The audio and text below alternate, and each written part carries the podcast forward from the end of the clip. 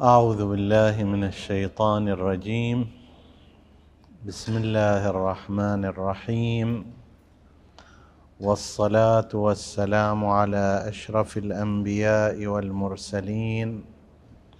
سيدنا أبي القاسم المصطفى محمد.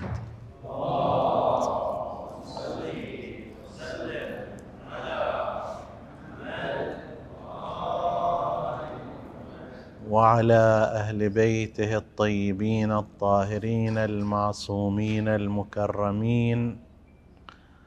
السلام عليكم أيها الإخوة المؤمنون أيتها الأخوات المؤمنات ورحمة الله وبركاته.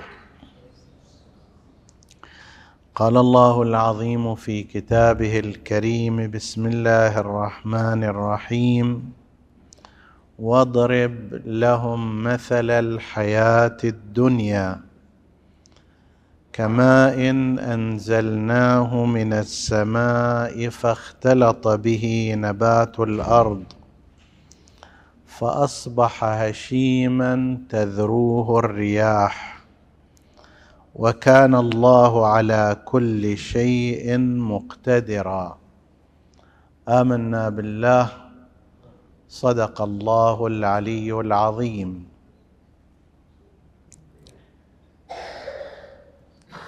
ما هي خريطة الإنسان في الحياة الدنيا؟ تعيش ونعيش بإذن الله تعالى فترة من الزمن. سبعين سنة ثمانين تسعين أقل من ذلك أو أكثر. هذه فترة زمنية. المفروض أنها سفر من مرحلة الميلاد إلى مرحلة الوفاة. يقطع الإنسان فيها مسافة معينة لكي ينتقل إلى موضع آخر هو الحياة الأخرى.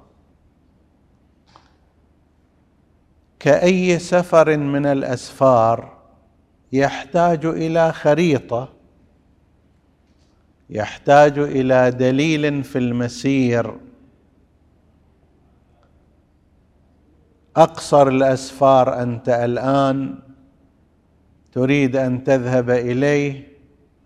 تفكر اولا ما هو الطريق إليه ثانيا ما هو الطريق الأقصر ثالثا ما هو الطريق الأقل ازدحاما والأسلم. مع أن المسافة هي نصف ساعة مثلا لكنك تفكر اولا في أصل الخريطة ثم في الطريق الأنسب من حيث قصر المدة والسلامه وعدم الازدحام. هذا إذا كان بهذا المقدار نصف ساعة ساعة فكيف إذا كان هناك سفر يمتد لمدة سبعين سنة فيه أنت تارة صغير حدث وأخرى شاب مراهق وثالثه مكتهل ناضج ورابعه شيخ وهم كبير. وفي ظروف مختلفة أنت هناك أحوج ما تكون إلى خريطة. ما دمت في السفر البسيط وقليل المدة وصغير المسافه تحتاج إلى خريطة فأنت في هذا السفر الطويل من حيث المسافه والكثير من حيث المدة والمتغير أنت في مشوار نصف ساعة عادة لا تتغير قواك. في مشوار نصف ساعة لا تتغير أموالك. عادة هكذا ولكن في مشوار سبعين سنة قواك تتغير وتتبدل حالات الصحة والمرض تتوالى الضعف والقوة العمر المبكر والعمر المتأخر وهكذا. فتحتاج أنت هناك إلى خريطة حتما وجزما. المشكلة هي أن قسما من الناس يسيرون في حياتهم هذه سبعين سنة بلا خريطة. فعلا هذا ليس امرا. كلاميا وإنما بالفعل هناك من يعيش حياته بلا خريطة إلى أن يوصل آخر الأمر إلى جدار العجز والمرض والموت. قد يستيقظ قبل ذلك بشيء من الوقت ويقول يا اسفا على ما فرطت. وقد لا يستيقظ يعني إلى الأخير يوصل ويدق براسه حائط الموت وينتهي.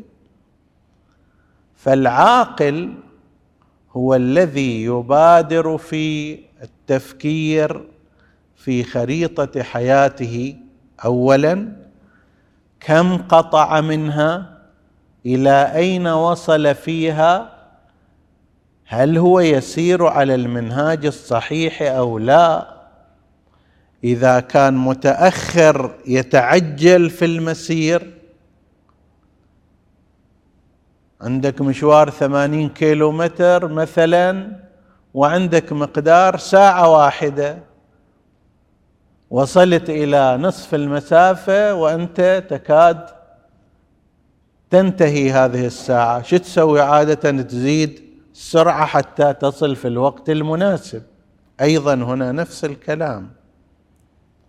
عمرك الآن مثلا البعض أربعون سنة خمسون سنة ستون سنة.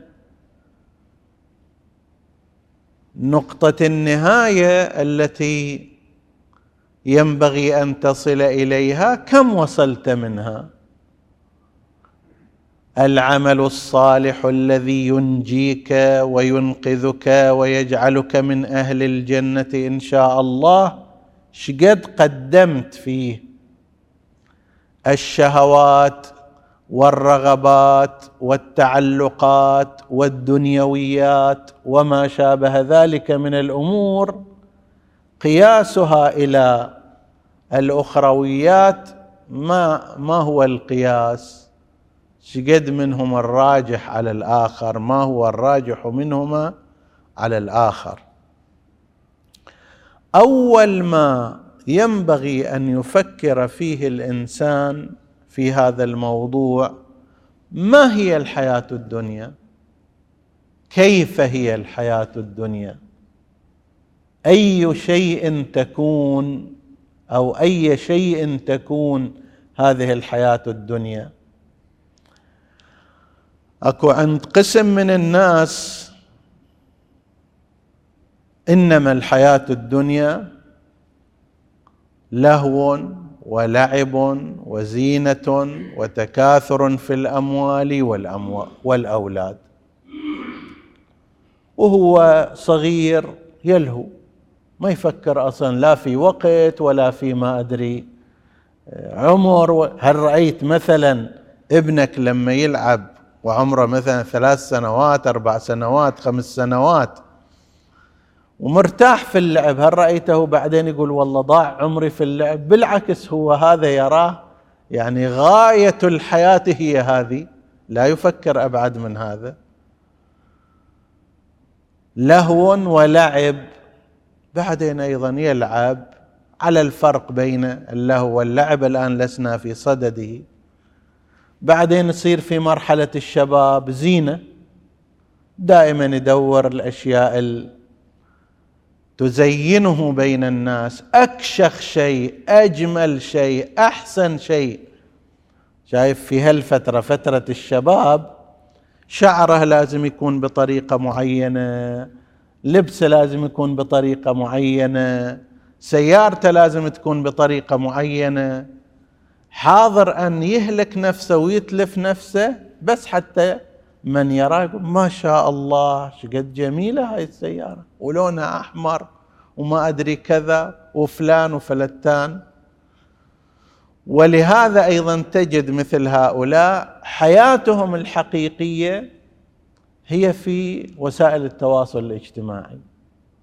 اشترى اليوم كذا وباع كذا اقتنى هذا وطلع هالطلعه وراح المكان إلى آخره. فهي زينة وفي المرحلة الأخرى تكاثر في الأموال والأولاد. أسرة واسعة بيت كبير درجات وظيفية متقدمة أموال بحيث وهذا للأسف يعني يصير في بعض مجتمعاتنا علشان الأموال حياته الدينية تروح. والله فلان شيء في أرباح بس ربا بس حرام ما يخالف. هسه نمشي الحال بعدين الله يفتح. زين؟ دور له مثلا مبرر غير ذلك إنه فقهاء ما يفتهمون هذه المسائل ما يعرفون الأحكام عدل. زين؟ أو أنه لا هذه فيها طرق محللة. لا هي القضية تكاثر في الأموال. تملك الإنسان التكاثر في الأموال. يلتاف على القضايا. والله أنا حصل راتب بس بدون ما أروح إلى العمل وأخلي واحد يوقع عني مثلا. ولو هاي سووها بالبصمة الآن عسروا الشغلة. يروح يبصم ويطلع على سبيل المثال. تكاثر في المال لكن قضية حلال وحرام مو موجود. زين. بل أكثر من هذا وصل الحال إلى أنه بعض الأسر تتهدم على أساس التكاثر في الأموال. الآن مما يؤسف له أن قسما من أسرنا في مجتمعنا المسلم عموما تجد الخيار بين حياتها الزوجية ورعاية أبنائها أو الوظيفة والعمل. بعضهن بشكل واضح وصريح تقول لك لا الوظيفة والعمل. لو دار الأمر بين أن تحتفظ بزوجها وبأن تربي ابنائها وبين أن إذا تسوي هذا تفقد العمل مالها بصراحة قسم من النساء يقولن أنه لا العمل أمان العمل ضمان.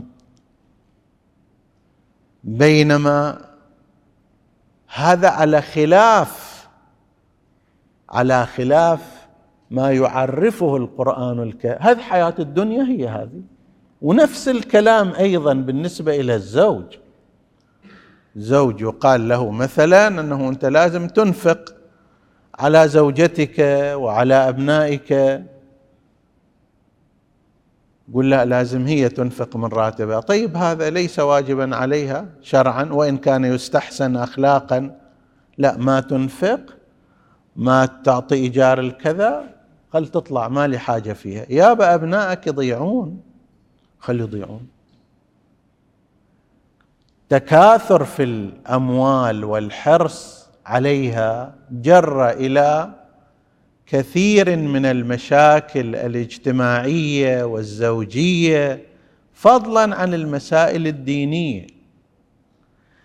القرآن الكريم لما يجي يعرض هذه الصورة يقول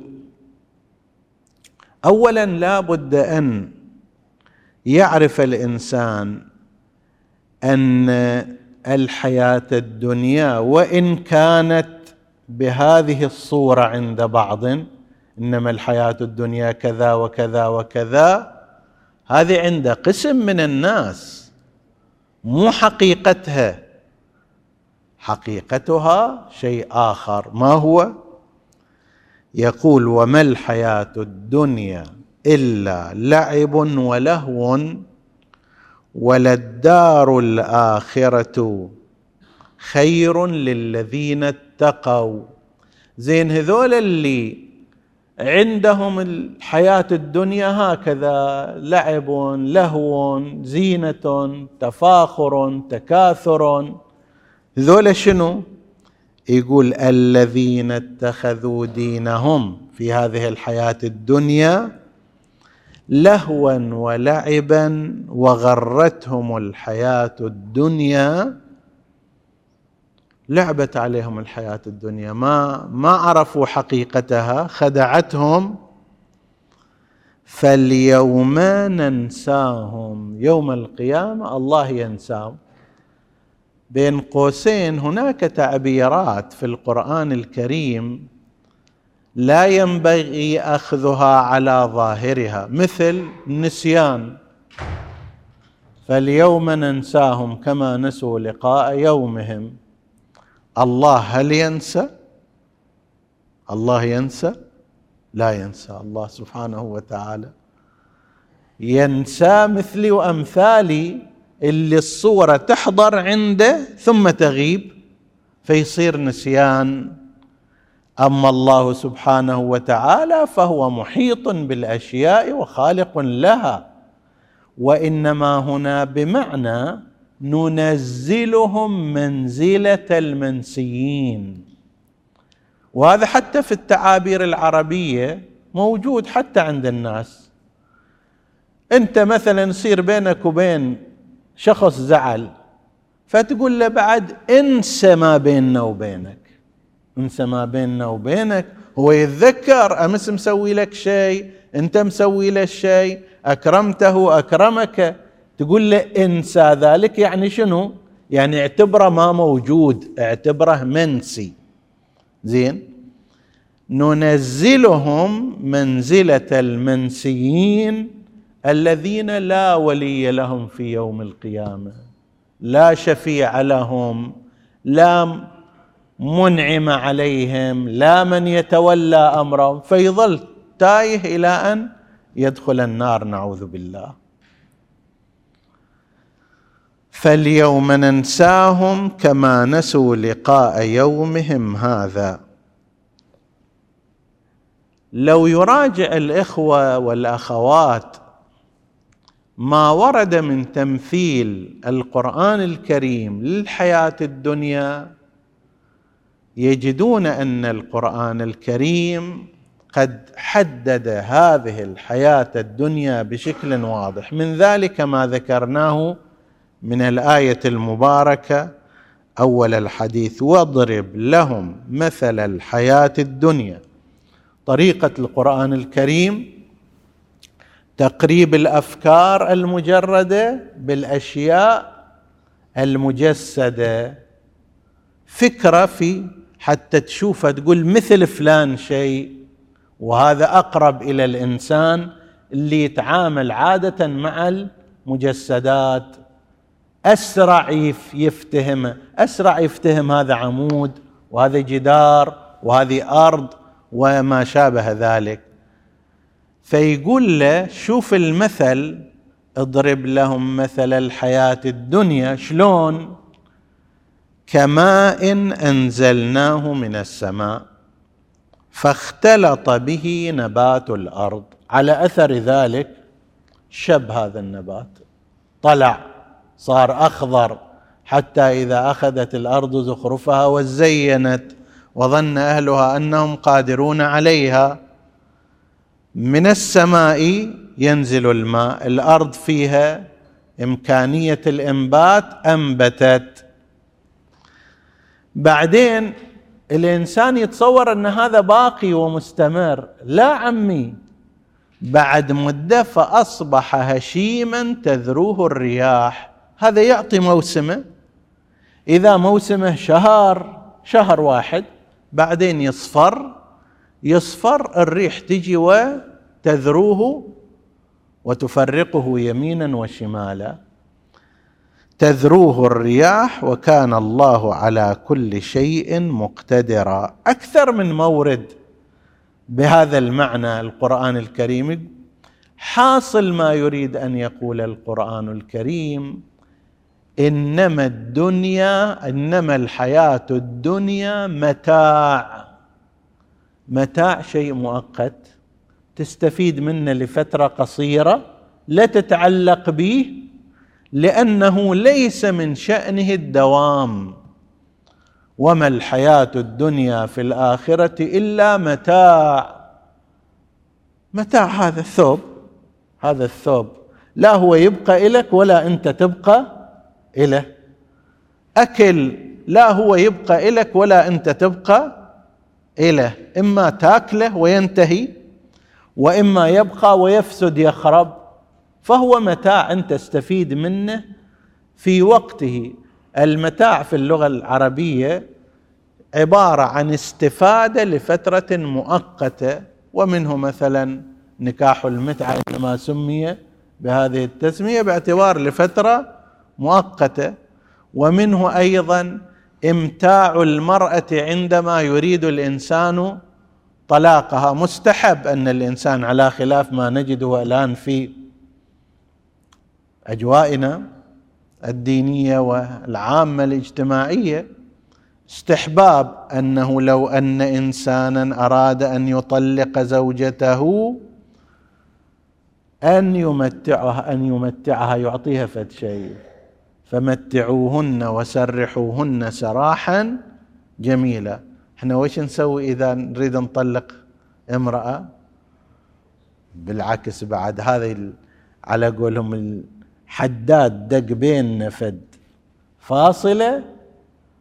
إيش قد ما أقدر أنتقم منها راح أنتقم منها. إيش قد ما تقدر تنتقم مني راح تنتقم مني. لو أقدر أطلع آخر فلس صرفت عليها راح أطلع آخر فلس. إذا هي تقدر تنتزع مني حضانة الأولاد حتى لو بغير الحق ما أدري مصرف حتى لو بغير الحق قد تفعل ذلك بعض النساء إلا المؤمنات. الشرع يقول الآن الطلاق شيء سيء جدا بس قد يصير في الظرف اللي ماكو حل إلا هذا الجانب. لا هذا صابر لا تلك صابر. زين صار طلاق. هل لازم بالراشديات على قولهم وبالرفسات والركلات؟ لا. فمتعوهن وسرحوهن سراحا جميلا أيضا. أعطي لها فد شيء بدل كسرة نفسها. فد مبلغ من المال وفد كلمة طيبة. تتناسب مع السراح الجميل أنه بالتالي الله ما قدر أن إحنا نستمر والله يرزقك من هو يسعدك والله يرزقني أيضا من يسعدني. ما أحسن الفراق إذا كان بهذه الصورة؟ فمتعوهن من هالباب أعطوهن شيئا معينا مبلغا من المال على أثر هذا الطلاق. فالمتعة والإمتاع والمتاع هو عبارة عن شيء من الالتذاذ مؤقت. الدنيا كلها هي متاع. القرآن ماذا يقول؟ يقول ويا وقال الذي آمن يا قوم اتبعوني أهدكم سبيل الرشاد. يا قوم! إنما هذه الحياة الدنيا متاع وإن الآخرة هي دار القرار. الآن لو فرضنا هذا الفرض أنت راح تستأجر بيت لمدة أسبوع. مدة أسبوع تحاول أن ترتبه بمقدار هالأسبوع اللي تبقى فيه لكن لو هذا البيت بيت ملكك راح تبقى فيه إلى آخر العمر شنو راح تسوي؟ ترتبه أحسن ترتيب تشتغل عليه بأفضل التشطيبات والأصباغ. لكن ذاك أبو أسبوع ما تسوي له هالشيء كلها أسبوع واحد والإنسان يمشي عنه. بل لو أن الإنسان سوى في هذا أبو الأسبوع إكسسوارات وأنفق إنفاقات يتهمونه بماذا؟ بعدم الحكمة بل بالجنون. يقولون أنت شنو؟ قاعد تضيع فلوسك علشان أسبوع واحد. الذي يفعل في الدنيا هكذا فيزينها بكل شيء ويصرف فيها كل شيء من عمره وقوته وماله وشخصيته و و بحيث الحاصل لما تجي تقول فلان خلال سبعين سنة ماذا يساوي؟ يقول لك يساوي أنه بنى إلى بيت وأكل أكل جميل وخلف أولاد وتزوج واستمتع وارتاح وكيف ثم راح. زين هذا مثل صاحبنا اللي يزين بيته البيت الذي سيبقى فيه مدة أسبوع. أنت المفروض أن تزين ذاك البيت اللي راح تبقى فيه إلى الأخير وإن الآخرة دار القرار. ذاك تلك الدار دار القرار المستمرة الدائمة هي اللي تحتاج إلى تزيين وتعديل وما شابه. فأول أمر ينبغي للإنسان أن يفكر فيه أصل الخريطة أن هذه الدنيا متاع بها تنال الخيرات بها يحصل على الجنة. ما نعمل فيها لها وإنما نعمل فيها لغيرها. شوفوا تعبير القرآن الكريم ولعله أكثر من مرة أنا ذكرت هذا وابتغي فيما آتاك الله شنو؟ الدار الآخرة. ولا تنس نصيبك من الدنيا. الابتغاء الهدف الغرض كل شيء اللي أعطاك إياه. الله ليش؟ شلون تستخدمه؟ كيف تتصرف فيه؟ ابتغي به الدار الآخرة. فلوس أعطاك الله إياها؟ ابتغي بهذه الفلوس الدار الآخرة. قوة الله أعطاك إياها ابتغي بها الدار الآخرة. وجاهه الله أعطاك إياها ابتغي الدار الآخرة. إلى غير ذلك نعم لما كنت تعيش في الدنيا لا تنس نصيبك من الدنيا. في الدنيا هم تحتاج إلى أمور تحتاج إلى سيارة تحتاج إلى لباس تحتاج إلى منزل تحتاج إلى كذا. اللي كل هالأشياء المفروض أن تعينك على طريق الآخرة. نسأل الله سبحانه وتعالى أن يجعلنا من الذين يبتغون بما آتاهم الله الدار الآخرة وأن يجعل الدنيا بالنسبة لنا دار مقر دار ممر خير لمقرنا فإن الدار الآخرة هي دار القرار وإن دار الدنيا هي دار المتاع نسأل الله أن يلقينا ذلك وأن يعيننا على ذلك. إنه على كل شيء قدير. وصلى الله على سيدنا محمد وآله الطاهرين.